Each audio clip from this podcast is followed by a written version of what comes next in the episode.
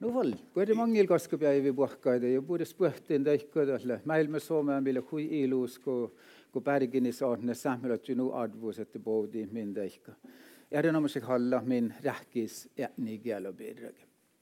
Så uh, velkommen, god ettermiddag til alle. Vi er veldig glad for invitasjonen. Vi er ekstra glad for at det her skjer i Bergen, og vi føler på en måte en sånn der forbindelse til, til mellom Nord-Norge og, og, og, Bergen, alt fra Hansa-tida og, og, langt tilbake. Og, som dere vet, så var jo samene veldig delaktig i den aktiviteten og handelen på, på, mange mange måter. Men det er ikke det vi skal snakke om i dag. så, Så, men eh, det vi, skal, det vi skal snakke om, eller det vi er invitert til å snakke om, er jo fornorskninga og konsekvensene av den for uh, hverdagsspråket uh, og også for, altså for, bruken av samisk, både som hverdagsspråk og, og i litterær sammenheng. Så, uh, men vi skal også snike inn noe, for det er jo to forfattere vi har her, og skal, de skal få lov til å få si noe om bøkene sine også, så det ikke bare blir om språk. Men språk er jo selvsagt viktig. Og, og vi, spesielt denne tittelen for, vår, for, for vår, vårt panel elsker jeg jo med det 'Å komme hjem til språket'. Det er, jo, det er, jo, virkelig poesi.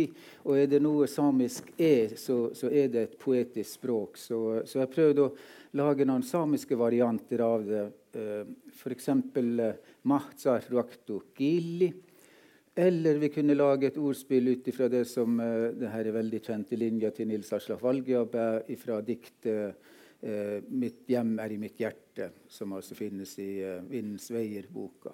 Der han, der han sier 'mitt hjem er i mitt hjerte'. Vi kunne der si 'morakto le mo, mo gelas', 'moroftos le mo altså lage ulike varianter av det med, som, som spiller på det her med hjertespråket.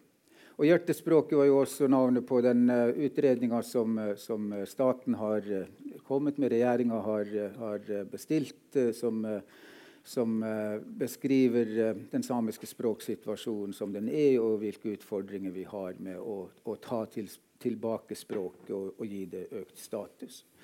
Så, så, det er bare som innledende kommentarer. Kanskje Jeg klarer ikke helt å la være. fordi ordspråk har jo med språk å gjøre. Ordtak, altså. Der, eh, for vi har jo det veldig fine ordtaket på samisk oro'.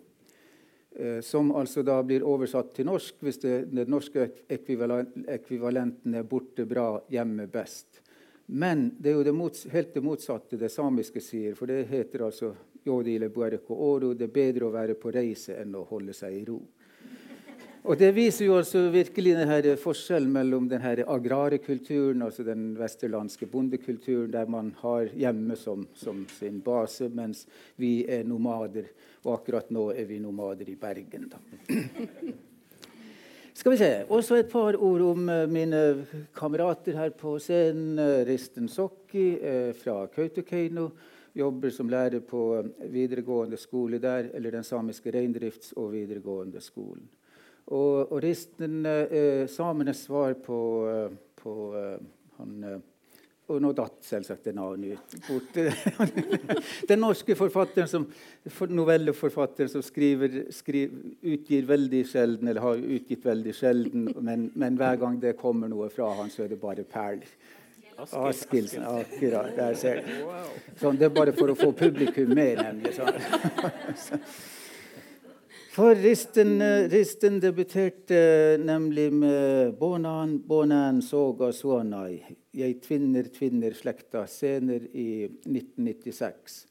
Og Så venta hun ca. ti år med neste bok. Det var en barnebok eh, som hun uh, vant en konkurranse, den samiske delen av, den, av en nordisk konkurranse som var spesielt designa for, for, det å få fram samisk, færøysk uh, grønlandsk litteratur i nordisk sammenheng. Og så uh, har hun imellom der gitt ut også lære, lærebøker, men den nyeste boka er da 'Gedgeloddi'. 'Steinfugl', som den kommer, hvis den kommer til å hete på, på norsk. For, for, det er altså en, en, fantastisk novellesamling som virkelig står i stil med den norske forfatteren som vi nettopp snakka om. Og, og, og, og, den kommer altså heldigvis på norsk. Den er allerede under oversettelse av Laila Stien, så, så bare gled dere.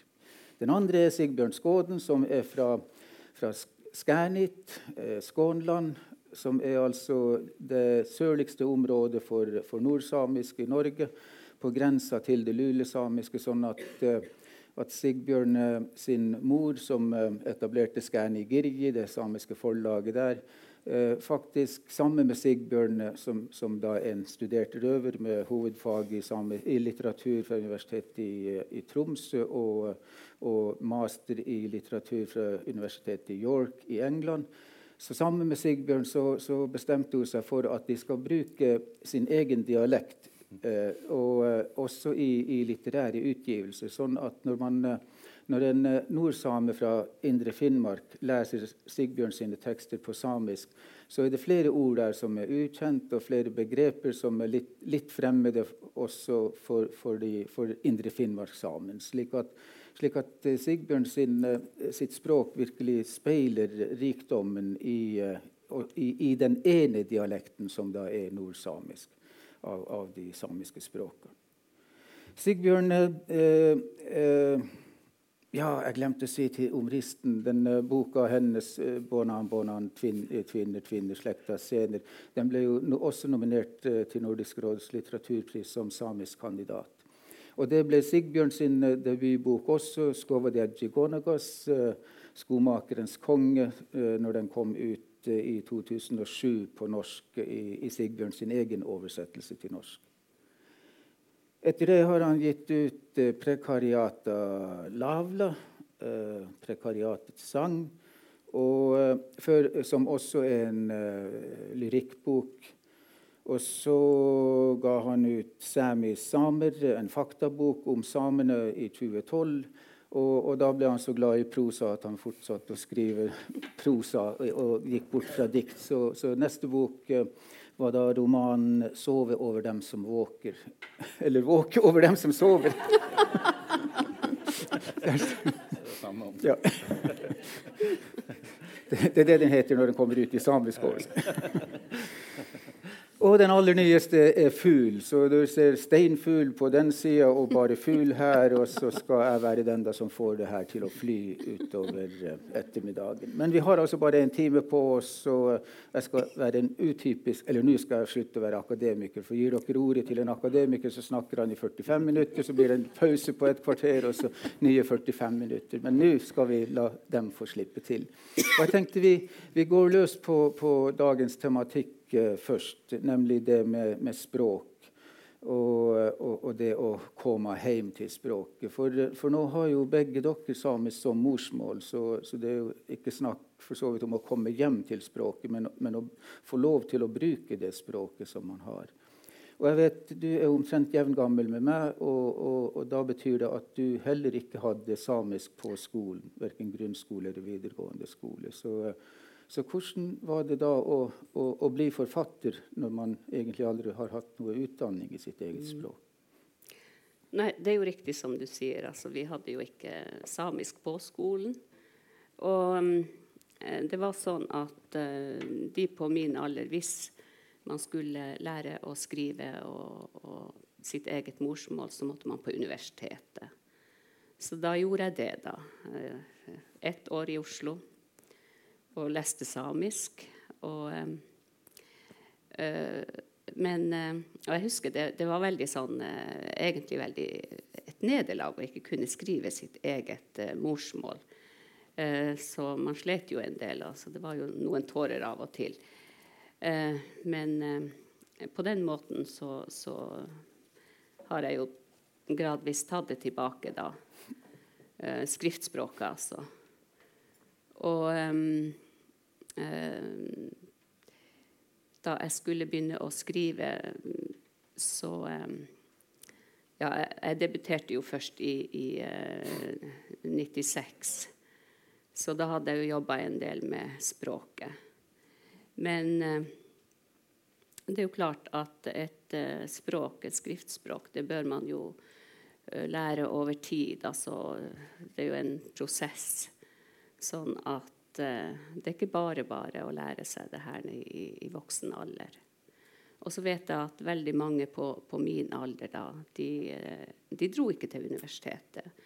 Og de lærte seg ikke å, å skrive og lese samisk. Så det sliter de med enda den dag i dag, det, det her med å lese og skrive på sitt eget morsmål. Jeg tror du det kan være noe av årsaken til det at samisk litteratur har så få lesere på samisk? Ja, det tror jeg absolutt. En, en stor del av eh, den voksne del av den samiske befolkning eh, sliter med å lese samisk. Så jeg tror at det er en, eh, en, grunn til at samiske bøker kanskje ikke leses i så stor grad i det samiske.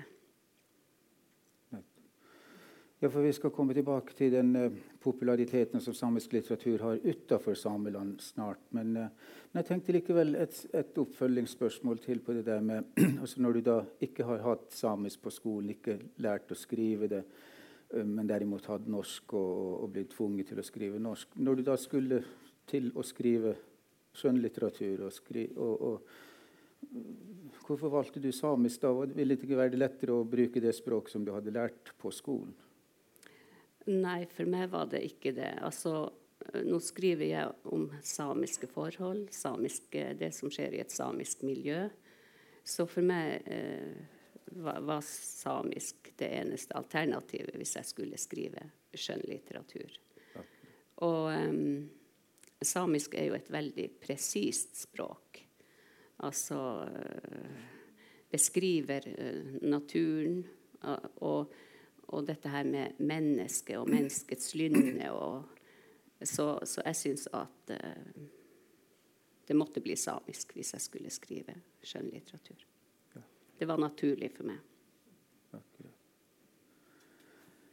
Ja, apropos natur. Eh, Sigbjørn kommer, eh, har vært på et annet panel fra klokka tolv til ett og kommer mer eller mindre direkte derifra hvor man snakker om natur. Eh, så stakkars Sigbjørn han er invitert til Bergen internasjonale litteraturfestival. og Han får ikke snakke om sine egne bøker, han får bare snakke om natur og språk. Men, men la oss holde oss innenfor språket. da. Og Hvorfor var det naturlig for deg å skrive første boka på samisk? Eh, jeg er ikke sikker på om det var det, egentlig. For meg, for meg du, du, sa at jeg har samisk som morsmål, og det kan man jo for så vidt si, men det, det, er jo kanskje et, et svakt morsmål. da, så Som et sterkeste språk er jo uten tvil norsk. Eh, og eh, Som du nevnte, så jeg vokst opp helt sør i Troms fylke. i, i i de samiske småbrukersamfunn, de fleste samiske bygdene der historisk sett har man kommer, er man avskalling av reindrifta, som etter hvert begynte å, begynte å stoppes ved grensa mellom Norge og Sverige utover på, og, og utover på 1800-tallet så begynte folk å bosette seg på de gamle sommerbeitene sine da, og, og, ble jordbrukere. og Den type bygd de kommer fra. Og, det, og, det, og og ikke snakk om litteratur, men, men, men når, vi, når, vi, nevner det, så er akkurat denne boka her relativt, relativt biografisk korrekt. Altså, altså min, min, familiehistorie det er selvfølgelig en fiksjonshistorie, men rammen for fortellinga er ganske, er, ganske, er ganske korrekt gjengitt gjennom fire generasjoner samer. Da, min, eller typisk, typisk fire generasjoner samer fra min bygd. Hvor, hvor, hvor språksituasjonen også endrer seg radikalt fra at besteforeldrene eller ja, mine, mine, besteforeldre lærte seg norsk først når de begynte på skolen. Og det er jo, er jo kanskje interessant å tenke på i en region hvor, hvor fornorskninga var veldig sterk, og hvor man, hvor man, har hatt veldig stolthet rundt den. Det er på en måte en sånn norrøn eh, et sånt norrøn Ultima Thule, altså Tore Hund og disse, ja. disse her, og, og, og eh, eh, steinkirker på, på, på Trondanes, altså disse gamle vikingstrukturene, viking, eh, har, vært, eh, har vært veldig viktig for å skape en, en regional uh, identitet. Og så kommer, så kommer den samiske befolkninga oppi dette og har vært et hår i suppa egentlig frem til, mm. til man klarte å, å, vende litt på situasjonen ut på 80-tallet, kanskje. Og Så jeg har vokst opp med, en, med, en, med, et usikkert samisk språk, det kan jeg si. Så, så jeg har en mor som har snakka til, eh, til dels samisk med oss i oppveksten, men som sjøl opplevde å bli snakka til på norsk av sine førstespråklige foreldre. Da. Selv om de fortsatte å snakke samisk rundt hodet på dem, så de skjønte alt. Men det er en litt sånn komplisert historie. Så tok jeg, når jeg, når jeg begynte å få skjønnlitterære ambisjoner, så tok jeg et valg, da, eller i hvert fall begynte å tenke at nå skal jeg skrive et bokmanus. Så tok jeg et valg, et språkvalg og valgte kanskje det, det svakeste språket jeg kunne skrive på. For at, eh, ja, det har med, har med, forskjellige grunner å gjøre. Men det har jo også med at jeg følte at, at eh, det er viktig, sånn som, sånn som, du snakker om, at den, den dialekten kommer fra, eh, og det området, området jeg kommer fra, kunne høres skjønnlitterært på på samisk også. Og det hadde det ikke vært så mange, så, så mange som hadde gjort det før, før, meg, i hvert fall i moderne tid. Sånn det, det, var et viktig poeng for meg, så, så, prøvde jeg på det først. Og så har jeg skrevet på norsk senere, og så blir det nok å hoppe litt fram og tilbake. Men, men eh, kanskje ikke et naturlig valg sånn, sånn, språklig, men politisk så føltes det riktig. Og det føltes riktig sånn følelsesmessig. Ja, jo, og, det, og det var jo også i den tida der eh, politikk var veldig vesentlig i, i, den samiske hverdagen og for samisk ungdom. Og, og Sigbjørn var jo eh, altså, Veldig mange har sikkert hørt om Riddo Riddo, eller Riddo Riddo, som det uttales. Uh, altså i Kåfjord, en, en sjøsamebygd uh, som, uh, som, også har tatt både språket og kulturen tilbake og, og, og markert seg. Men altså Sigbjørn var jo med på å dra i gang Eh, den eh, Sør-Troms-varianten av det, Markom igjen, gjennom ungdomsforeningen og, og, og, og, veldig aktiv virksomhet der med å, å lage, etablere den festivalen. Så, for så vidt Jeg har aldri spurt deg om det her, men, men, men, men du sier, bekrefter jo på en måte nå da, altså at, det, at det var, også var et språkpolitisk valg da, med, den, med, med, å velge samisk. Den. Jo, definitivt. Verken. Og jeg er jo heller ikke vokst opp sånn per definisjon med med altså Samiskundervisninga starta nok tidligere i andre områder, men hos oss så, så var det jo eh, kontroversielt, for å si det pent, på, på 80-tallet. Og, og, eh, med det lokale klimaet vi hadde, så da jeg begynte på skolen, så, så begynte nok Jeg var den eldste i vår søskenflokk, og da begynte foreldrene mine å tenke på at kanskje vi, kanskje vi burde ha samiskundervisning på skolen, men det eksisterte jo ikke. Eh, og etter, og etter, en del år hvor flere foreldre da et, veldig, et mindretall også i, samiske, i de samiske bygdene, for det var jo et stigma som man var livredd for, de fleste på 80-tallet. Men et mindretall av foreldre i, samiske, i de samiske bygdene jobba for dette i fem år, frem til at man fikk aksept fra lokale myndigheter. Da, på at ok, dere kan få starte, få lov til å ha time på samisk for, for ungene deres. Men Eh, og da gikk jeg femte klasse, da, så, så, så fikk jeg samiskundervisning fra, fra, femte. Men før det så hadde jeg jo ingenting. Og det var jo også andrespråksundervisning med sine barnesykdommer og, og, og mm. to stykker på en skole. Jeg og søskenbarnet mitt. så, så, så, så utviklinga ble veldig sterk der. da. Til man, når man i dag kanskje opplever, opplever samisk som noe etablert, det er også hos oss.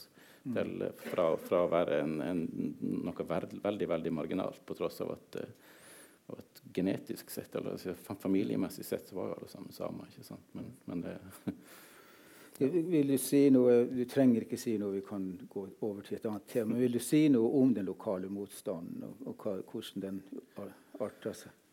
Ja. Til og med utarter seg, som man sier nå til dags. ja, det kan jeg. Altså, jeg er jo såpass gammel at jeg vokste opp i brytningstida. Jeg var jo unge da, på en måte på 80-tallet. Da, da, da, man begynte å etter hvert kreve det, Og det, dette var jo kjølvannet av Alta-saka, og at de her tingene begynte å få litt mer eh, presedens rundt om i landet. Og at man tenkte også hos oss at vi kan kanskje også kreve samisk undervisning på våre skoler. Mm. Og foreldrene mine var blant de som gjorde det. da.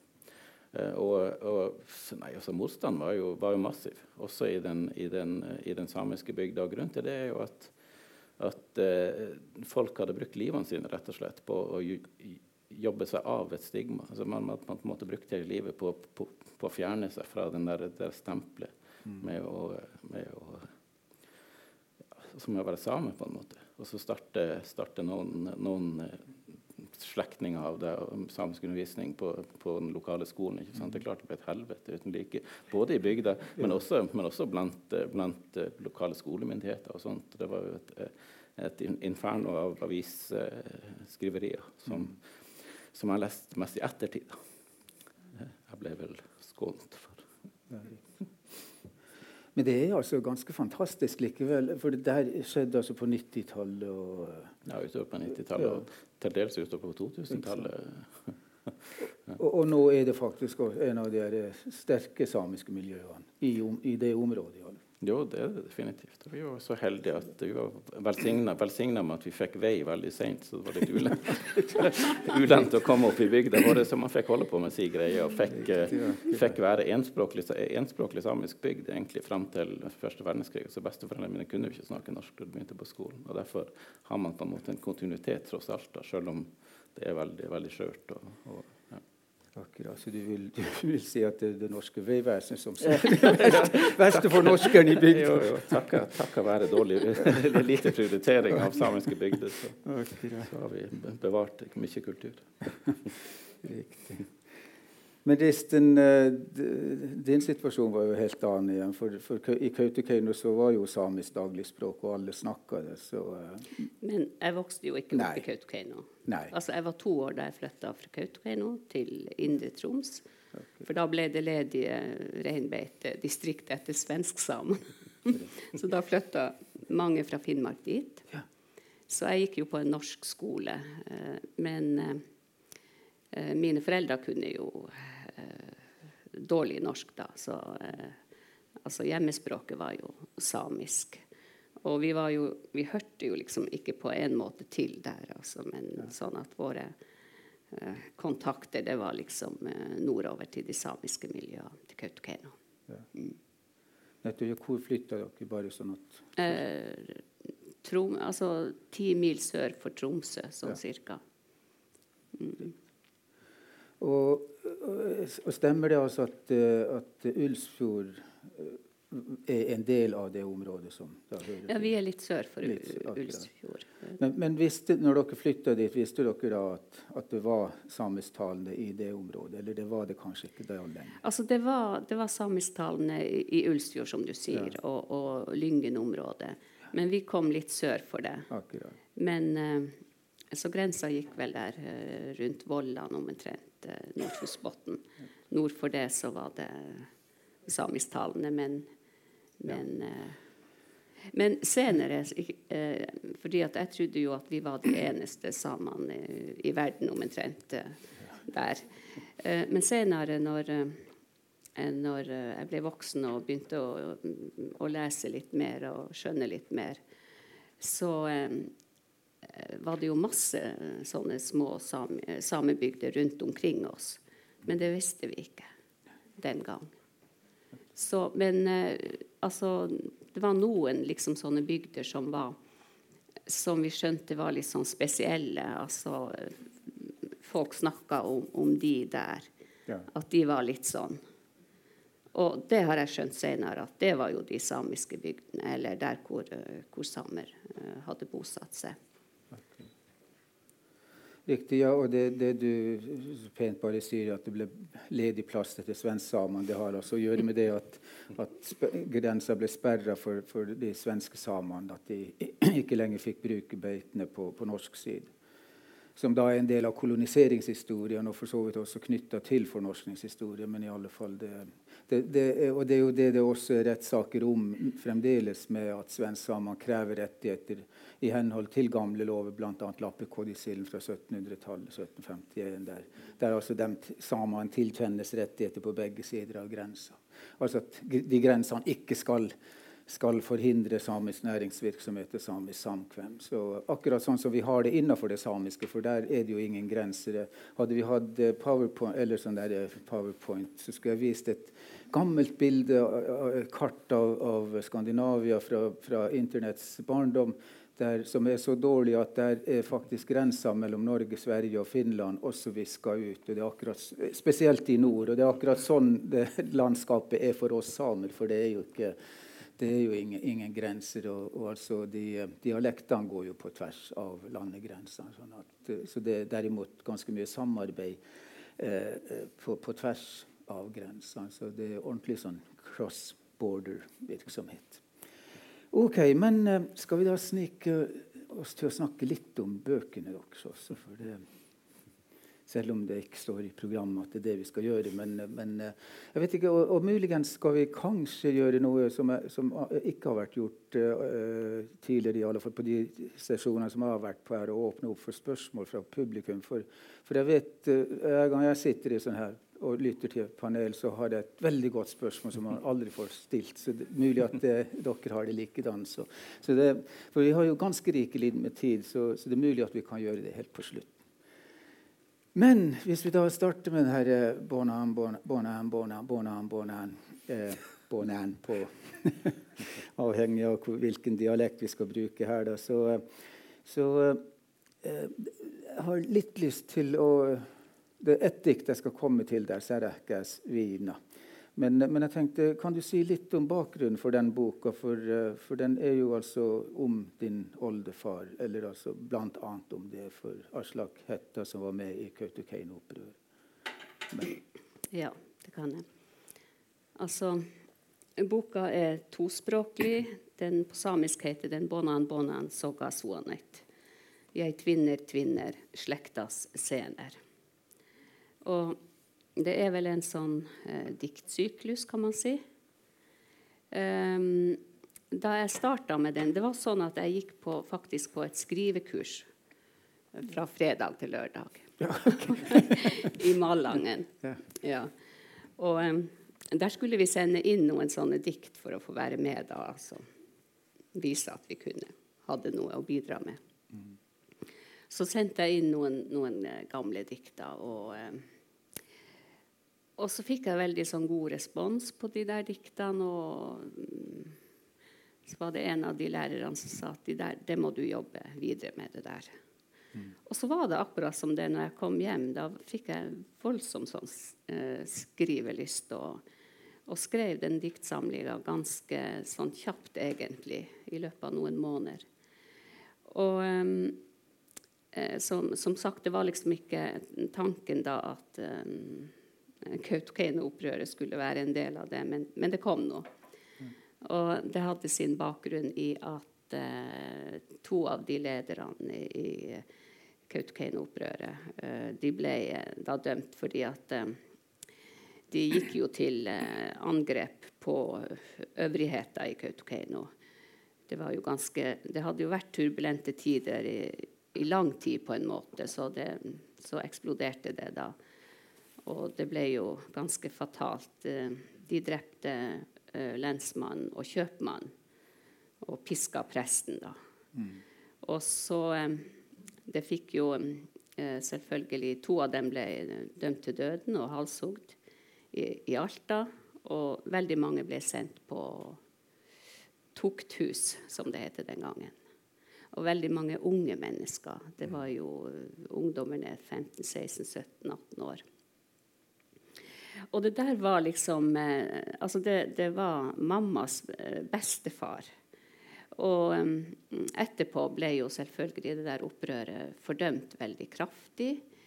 Og man kobla det til sinnssykdom og uh, religiøs forvill forvillelse. Og, og, så, så, det ble veldig sånn skambelagt.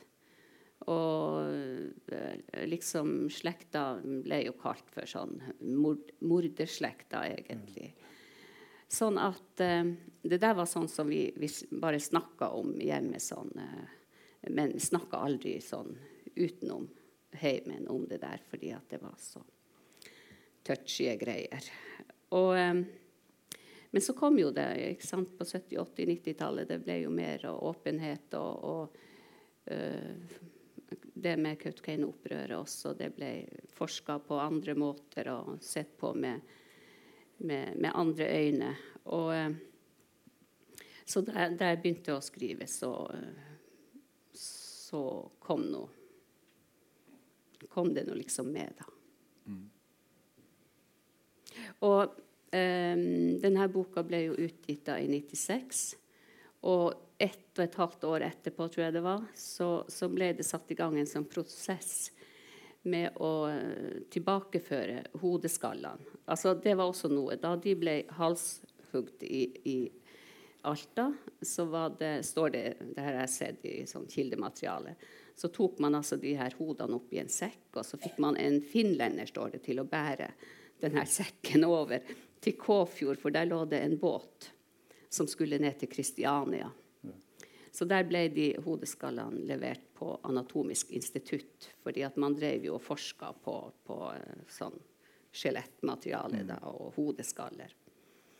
Sånn at da denne prosessen med tilbakeføring av disse her hodeskallene til, til der kroppene lå begravd i Kåfjord, um, så begynte man å lete etter de, og så fant man Mons Zombie sin hodeskalle på Anatomisk institutt.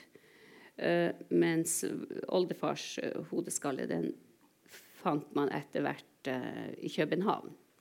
For da hadde man bytta med en inuitt-hodeskalle. Så, så Men det kom da til, til rette.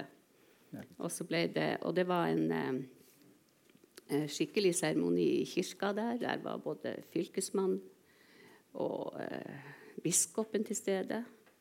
Så det var en sånn eh, verdig tilbakeføring. Ja.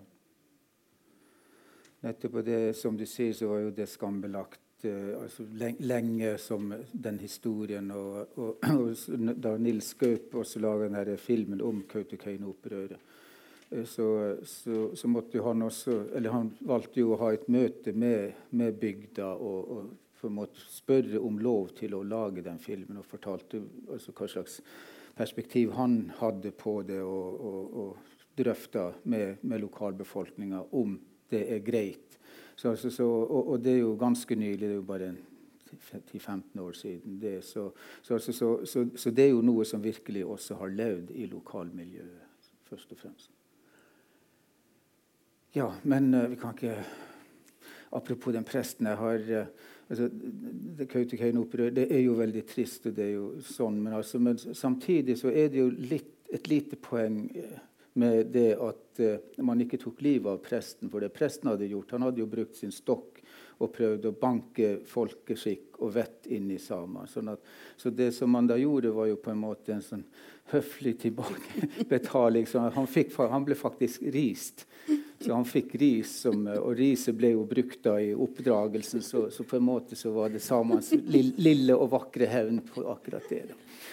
Men la oss nå få glemme, eller ikke glemme, men, men bevege oss videre. Og da tenkte vi gjøre det her litt springende, for vi har en sånn, la oss ha en sånn samisk struktur på det her, så, som betyr altså at, at, det er en sånn sirkulær, og det går, men altså det er så mange små sirkler inn i den store sirkelen. Så, så den lille sirkelen som vi kommer til nå, er, er fugl. Og, eh, for da går vi fra din første bok til din aller nyeste, og, eh, og den har jeg jo lest. Og, og som jeg skrev til deg når, eh, i, i den mailen, at uh, altså det er jo en bok, en framtidsroman. Og, og framtidsromaner forstår man kanskje, og forstår man kanskje ikke, for det er jo om framtida, og så får vi se om det stemmer da når vi kommer dit. Hvis vi fremdeles lever i 2149.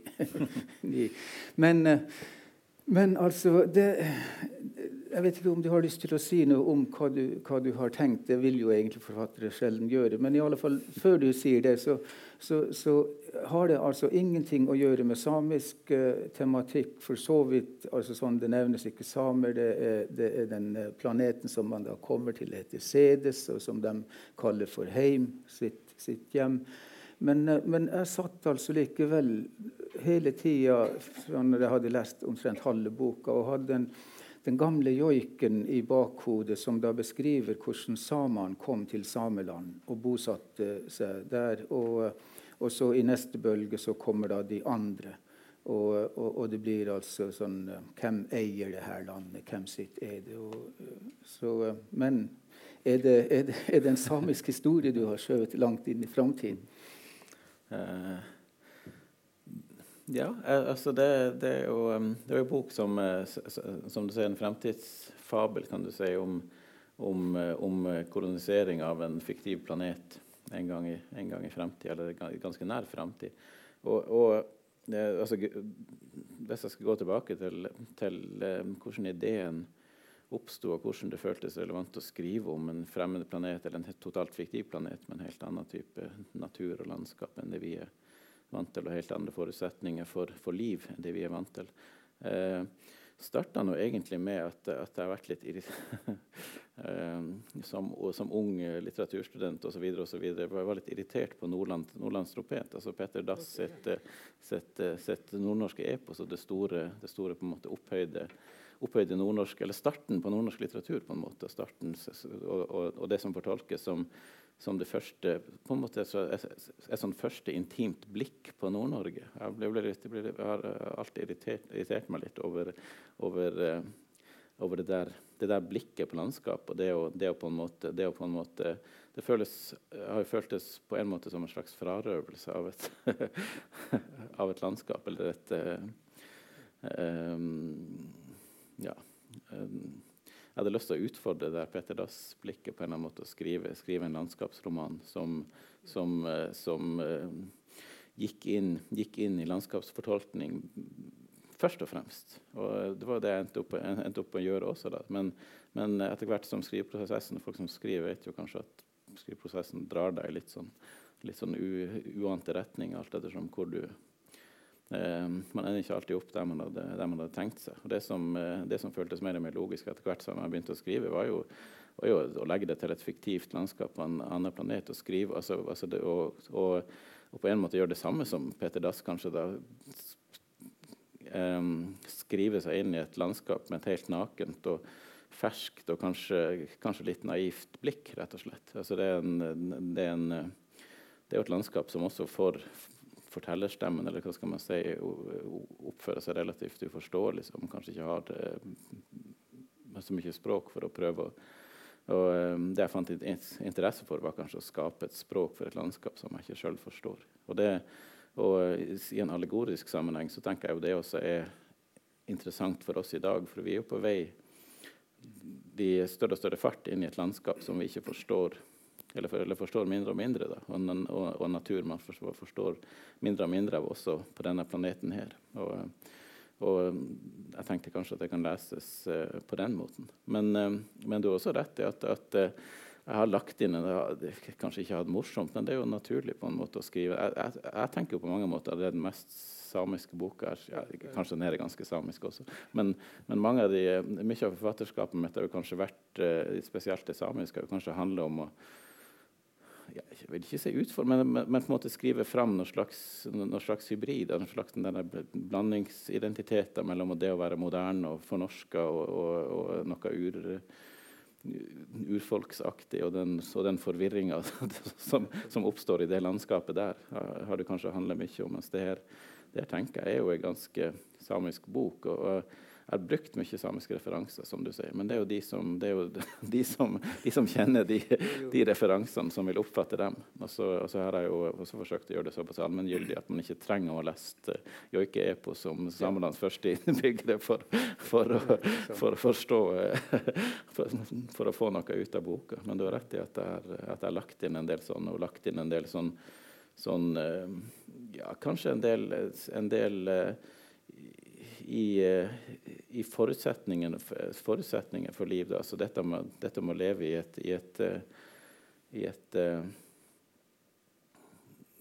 landskap som ikke gir så mye, da. Ja. Og er også interessant i en, i en, samisk sammenheng som de første menneskene som har klamra seg fast oppi i isødet på, ja. på, forskjellige plasser og hatt, hatt, ganske tøffe liv og måtte ha levd under ganske tøffe forutsetninger. Og, og så man så jeg har lagt inn en del sånn, den type historiske referanser også. Men, uh, Riktig, for det blir jo spennende i forhold til det, det Listen var inne på tidligere, det med altså, samisk som et veldig presist språk når det gjelder natur, og ikke, ikke minst natur, topografiske forhold. Og, og, og, og så igjen eh, sammenligna med, med, med, det landskapet du beskriver. Det, det, det med Petter Dass slo, slo, meg i det hele tatt ikke, så det er kjempespennende. Men uh, Eh, og det skal jeg tenke videre på ved en senere anledning. Men, men, men, men, nettopp det der Det var jo også en vakker hevn, det da, å gjøre, gjøre den der sanda så utrolig hvit. og, og, I dobbel forstand. altså Samer er jo også hvite, da, men, altså, men urfolk er jo definert som ikke hvite. så liksom Indigenous, non-indigenous. Så, det, så det blir, men det var jo veldig flat også. Det, men språket er jo rikt, selv om de da altså ikke snakker lenger. Men altså de, de har uh, skjerm på brystet der du kan lese teksten. og så bruker, har, de tastatur på armen på det ene, men de, de, de, neste som kommer, de er mer avansert, for der er det et sensorapparat som da senser språket. Men, altså, men, men, men blir ikke det eh, eh, det er jo litt dystopisk for en oral kultur som det samiske, hvor vi elsker å snakke, som dere hører. Så, så, så, men der må vi plutselig bare begynne å skrive. Jo, jo, jo det, det, har jo også vært, det tenker jeg også vært, er veldig interessant i en samisk sammenheng. og jeg tenker kanskje at Samiske lesere leser det der språkskiftet som skjer på denne planeten. fra de som, det er, en, det er, en, det er jo en totalt ulogisk planet. Som, som, Jeg var jo i en samtale med en, med en, med klimaforsker tidligere, og, og, eller en ja, altså atomforsker. og da det er jo en, det, det er en, bok som, det, er en science fiction-bok som, som, er skrevet med en sånn idé om å gå inn kunnskapsløst i, i å, ikke, å, ikke, forholde seg til fysikk eller kjemi i det hele tatt, men å skrive mm. fram et, en form for planetal allegori, rett og slett. Men, eh, men, eh, men det er et sted hvor lyd ikke, lyd ikke er bærende, rett og slett. Så man kan ikke bruke muntlig språk, mm. sier, og disse innbyggerne må da gå over til, til uh, til, eh, til skriftspråket i forskjellige varianter. Og, og, helt til den nye teknologien da bringer et slags talemål tilbake. Men, men de, eh, ja, og det, Da går man ganske langt inn i boka. Men, men det som var interessant synes jeg var i en samisk perspektiv, er jo, er jo, disse første beboerne, og hun som skal være mor til planetens første barn. fordi det, planeten, altså, altså Hun kan ikke snakke sitt hun kan ikke bruke sitt morsmål til sitt barn. Så de, de, de, de har, en, har, en, enorm kommunikasjonsbrist der, som, som også skaper et eh, Jeg prøvde å gjøre noe psykologisk ut av det i dette morsportrettet, hvor hun, hvor hun går rundt på denne planeten sammen med planetens eneste barn. og, og ikke, og, og ikke får den altså, altså, Barnet responderer jo ikke på Kan ikke kommunisere med henne i det hele tatt i en alder hvor den allerede burde, de burde ha et kommunikasjonsbånd.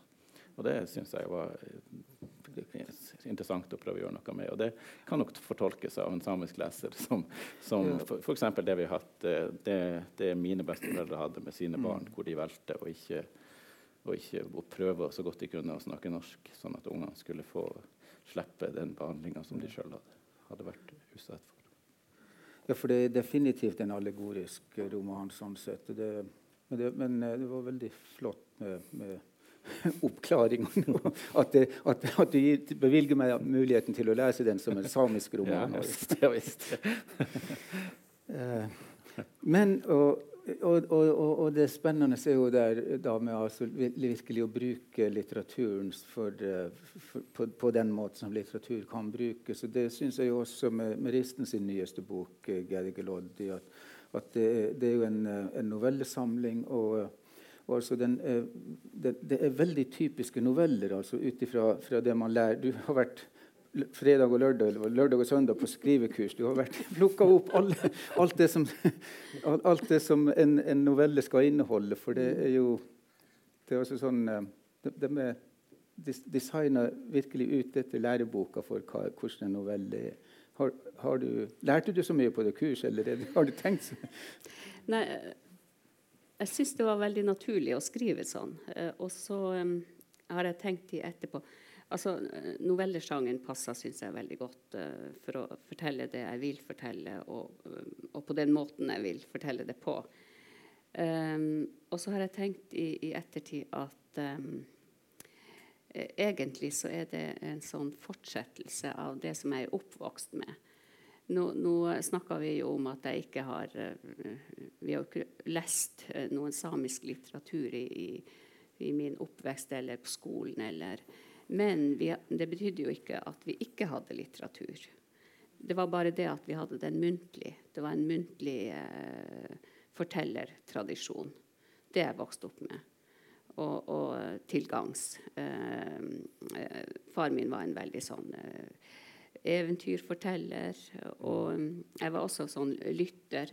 Og uh, nest yngst av en søskenflokk på sju. Sånn at jeg hørte, lytta alltid til det de snakka om. de, de, eldre søsknene mine og, og, det som unger ikke skulle høre. Og da, da tenker jeg at um, det var slike historier om, om, ting som hadde skjedd med mennesker. og en situasjon. Og, og, da var det jo sånn brokker. altså Du blir plutselig hevet inn i en, i, i en uh, handling, i en fortelling, og så hører du en del, og så er det en sånn åpen slutt som du ikke som du sjøl må gå rundt og tenke på og, og dikte videre på. Mm. Og jeg er helt sikker på at det var de her fortellingene som gjorde at, at jeg senere er blitt forfatter, faktisk. Uh, for jeg, jeg, levde meg så inn i de der historiene. Så jeg vet ikke, men jeg knytter det veldig til det som jeg har uh, hatt med meg da fra, fra uh, barndommen. Disse her fortellingene og, og, eventyrene og sånt. At det passer, den sjangeren, den novellesjangeren den passer veldig til det jeg vil. Men ja, for, for, det man har av nedtegna samiske sagn og eventyr, er jo veldig mye det Kvikstad eller Kvikstad fikk samla inn. Det var, andre, det var hans samiske informanter som samla inn, men han ga det ut under navnet JK Kvikstad, eh, som, som, da den store folkelivsforskeren. Men, eh, men, altså, men der Og det finnes jo noen av den typen eventyr som på en måte starter veldig plutselig og slutter enda mer plutselig. Men, eh, men altså, ellers så har vi det inntrykket at, at samiske fortellinger er liksom veldig sånn altså, bare fortellinger, men, men, ikke så typiske noveller. Men, eh, men, du sier altså at det har funnes en annen tradisjon også for historie. Nei, men jeg, jeg syns liksom den måten å fortelle på det er i alle fall eh, jeg er ikke sånn, sjøl sånn stor forteller, men når jeg skriver, så er det akkurat som at jeg, jeg tenker på de der, altså måten det blir fortalt på. Det, det, er noe som jeg knytter veldig til, til det jeg har fra meg, eh, fra, med meg fra barndommen av. Sånne historier. og og Det er jo for så vidt også egentlig litt tilfeldig når, når, arrangøren ikke har kunnet lese din bok på, på norsk når den ikke er ute på norsk ennå, men, men, at uh, panelet består av oss tre her, for, eller spesielt dere to. For, for, på en måte så er jo din bok også også, du bruker veldig mye sånn tradisjonsmateriale, tra, tradisjoner og, og, altså, og, og sånn slektsforhold, og, at det plutselig helt på slutten av en novelle så skjønner du ok, det var ja vel, var det det som var saken innenfor den familien, innenfor den slekta? Sånn at det blir på en måte det er, det er en lang historie og, og, og, veldig mye historie i dine historier. Men, men, så, men altså fortalt i, i, en, i, et språk og et sjangerspråk som er veldig moderne. Så det, så, så altså bare til publikum. Dette er jo også en del av promosjonen for å selge bøker fram. For samisk litteratur. For det var nemlig det vi, det vi lovte også touche, touche innom. Det her med interessen for, for samisk litteratur. Frankfurt uh, uh, i fjor høst var jo Norges uh, mulighet for å vise seg for verden, og det gjorde jo Norge virkelig med glans. Og, og, det fantastiske også med, med, med, Norla i den sammenheng var jo at de bevilga samisk litteratur veldig god plass i programmet. Faktisk så utgjør sam, samene 1 av den norske befolkninga, men på programmet for Norla, så, eller i Frankfurt, så, så uh, hadde samiske mellom 3 og 4 av plass på programmet. Så vi var veldig fornøyd med Norla, så, så vi stemmer dem fram som neste regjering i Norge. men, men, i alle fall, og det som vi opplevde, var så enorm interesse for alle de samiske sesjonene. Det strømma på med, med, med, internasjonale gjester. Og, og, og, fremdeles er ikke samisk litteratur oversatt nesten i det hele tatt. Hva, hva kommer den interessen av for det samiske og samisk kultur generelt? Skal du starte? Ja, nei, Jeg vet ikke om jeg kan svare på det. Jeg tenker vel kanskje at, at, at samisk eh, kultur, når den, når den, eksporteres, i hvert fall oppleves som en slags, slags arketypisk representant for noe naturnært, og at det er noe som, som, kanskje, som kanskje, i større og større grad er mangelvare. Dette, dette veldig intime, intime forholdet til, til, et landskap og en, og en, og natur som, som blir mer og mer marginal stemme, kanskje, i, en, i en, i en klimakriseverden hvor man trenger, treng nettopp de stemmene. Så det, det, er sikkert mange forskjellige forklaringer på det. Uh, uten at jeg jeg syns også det er interessant å snakke om en ting er å snakke om, om, uh, om hvordan det altså, altså, Dagens situasjon for samisk språk er jo også interessant å snakke om. Det var jo med glede at, at, at man så at Nola hadde tatt opp så mange samiskspråklige forfattere på, på, på sitt program. Og det samme er det jo her.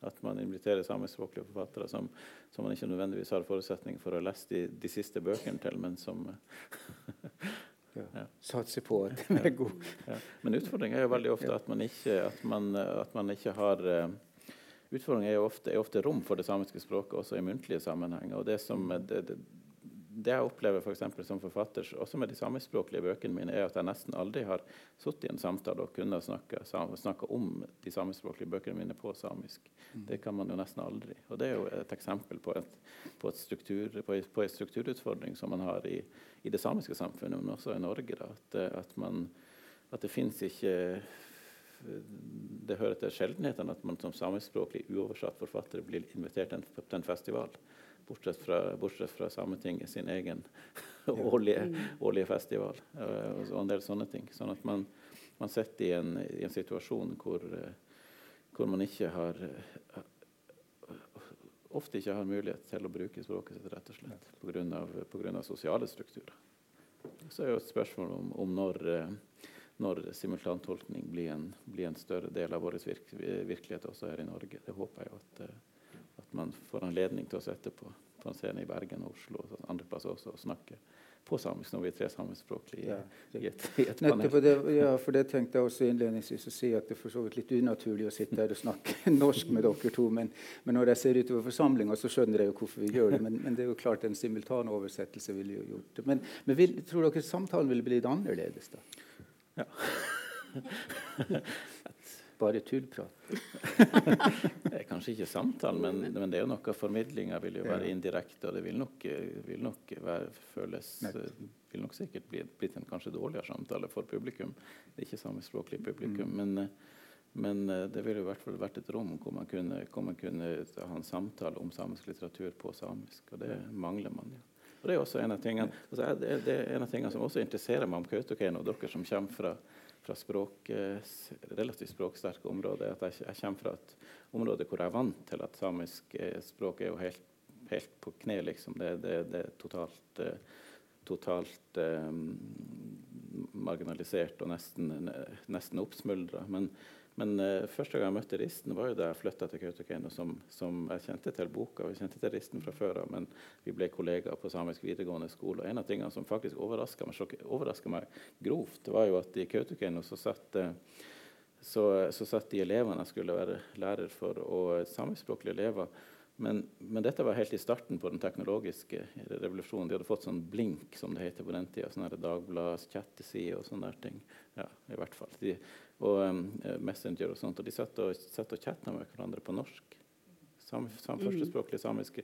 Nesten ingen skrev på samisk når de, når de, når de var på, på nett i lag. Og det, det overraska meg, meg enormt. Og det mm. tror jeg kanskje en utfordring som dere kan si mer om enn jeg kan, i hvert fall. Du som lever i, i det samfunnet fortsatt. Men dette med hvordan påvirkning eh, de moderne strukturene bare har på at, jeg fortolker det jo sånn som at språket er nesten, eh, altså samisk språk lever i en nesten mer prekær situasjon i Kautokeino i dag, på tross av alle rettighetene man har for samisk språk, enn det gjorde på 70-tallet. altså, jeg har jo jobba som lærer i 30 år på den samme skolen, så jeg har fulgt med liksom det her språk, språkbruken. Og det var vel kanskje for eh, 10-15 år siden så skjedde det noe merkelig i et klasserom. Vi snakka samisk i timene, og så ble det friminutt. Og da var det fire jenter som med en gang det ble friminutt, så begynte de å snakke engelsk. Mm. Og det gikk en lang tid før jeg spurte dem altså, hvorfor snakker dere engelsk.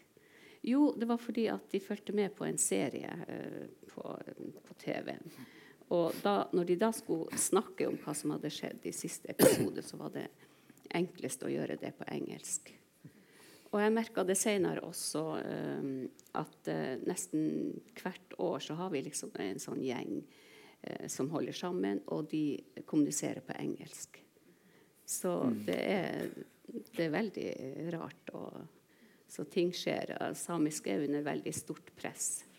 Det er klart de sosiale mediene og alt dette her så um, har medført til, til et sterkere press på samisken.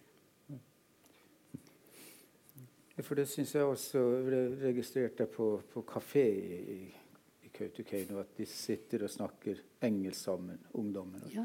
Og, og, så, og, så, plutselig så sier de noe, en setning på samisk som da er løsrevet ifra det som de egentlig snakker om. Men så, så, altså, så det blir så veldig kontekstbundet. Altså at det samiske på en måte da knyttes bare til det lokalsamfunnet, men liksom mm. alle andre temaer snakker man om engelsk. Ja. Hopper man over norsken? kanskje? Ja, Eh, jeg har tatt en sånn der, eh, jeg bruker å teste de her ja. av og til og gi dem sånne oppgaver. Og fortelle sin språkhistorie. Ja. Og da, det, da, er det veldig mange som sier det at um, jo, samisk er morsmålet, og, men så har de da Og så er det engelsk. Det, var, det er mye lettere enn norsk. Mm. Og at de sliter med norsken. Okay. Så uh, og, og, da relaterer de den der engelsken til at de har lært engelsk for, for lenge siden gjennom spill og gjennom uh, bruk av data og sånne ting. Altså, det er så ikke det sånn der, takk for sist for, til fornorskninga at no. Nei, jeg tror Nei. ikke det. Jeg tror det er andre ting som styrer der. Jeg vet ikke, jeg sa at vi kanskje skulle åpne opp for spørsmål fra salen. Vi... Uh, Egentlig så har du en novelle helt til slutt, og jeg hadde et spørsmål til deg også om det her med å bruke, bruke flere språk, men skal vi, altså i, i samme dikt. I samedikt. eh, men er det, er det, noen som sitter på et veldig presserende spørsmål her? Ja, stilte jeg jo spørsmålet feil. for nå, OK, ja. Sjefen sjøl. Jeg lurte på det forholdet til, til samisk og norsk med det å, å skrive, og, og, du som valgte samisk, men som primært vokst opp med norsk. Eh, og det å uttrykke seg på det ene og det andre språket. Kan du si noe om det, og hvordan det er i, i, den, i den, kunstneriske prosessen? Det kan jeg for så vidt. Altså, det, jeg, jeg, tror vel at eh, jeg tror at de bøkene jeg har skrevet på samisk eh, altså Sånn som jeg nevnte til ja, Det var kanskje i den forrige samtalen. Altså når jeg, når jeg, når jeg begynte å skrive på samisk, så, så, så følte jo jeg at, eh, som en iallfall da og relativt mye yngre mann, at en del av at, eh, at for, stort, for, for, stor del av den samiske, samiske litteraturen var prega av, natur, av poetiske naturskildringer, og sånt at jeg hadde lyst til å gjøre noe kanskje ikke for stor, men at det fantes andre ting som det, som det har vært utforske. At jeg prioriterte veldig mye å skrive ut en slags sånn, sånn hybriditetsgreie, eh, hvor Harald nevner at jeg, den første, første, boka mi så drev jeg sampla inn tysk og franske folkevis og Marlene Dietrichs tekster og sånne ting liksom inn i den samiske, samiske teksten. For at eh, jeg, jeg, tenkte at det var noe interessant å utforske samisk språk på den måten. Uh, mens, uh, mens jeg, de, de, siste to bøkene mine er skrevet på norsk, og da oppdaga jeg plutselig at, at dette må bruke natur og landskap aktivt som et, som et litterært, uh, bruke det som et litterært grep, kanskje også, men å faktisk gjøre det, gjøre, det, til en relevant del av, av stoffet. Det har jeg plutselig veldig interesse for på norsk. For at, for at, jeg føler at den, den, stemmen der kanskje ikke kommer, kommer ofte nok eh, fram i norske sammenhenger. Mens i samiske sammenhenger så er det andre behov. Så det er mye det at, hvordan man fortolker det litterære landskapet for min del, og kanskje hvordan man ser for seg en leser. Og hva, hva, man, vil, hva man vil, kaste ut i verden. Alt ettersom hvilket språk man, man, skriver. For min del er ikke det sånn ja, Jeg vet ikke om det var et svar på spørsmålet. Ja, OK. jeg, tok det hintet, for jeg skulle si vi har to minutter igjen. Men, eh, men da skal vi kanskje bruke det på en sånn avslutning der vi takker publikum for frammøtet, for veldig spennende samtale her. Jeg vet ikke om vi får lov til å si det sjøl, det er dere som skal vurdere om det var spennende eller ikke. Men, men i alle fall, eh, da får vi bruke, bruke det der som Ristin skulle avslutte med som en cliffhanger for å bli invitert tilbake for, altså for å skulle fortelle historien om, om Serek Evina. Altså den her, eh, som da Mari Boine har satt melodi til, og som heter 'Sarakas vin'. Og er altså en veldig vakker, vakker sang som Mari framfører, og som da har en lang, spennende forhistorie om hvordan Mari tok kontakt med, med Risten. og sånn. Men Det får vi dessverre ikke tid til nå, men altså, men neste gang vi møtes, så tar vi den. Tusen takk for frammøtet.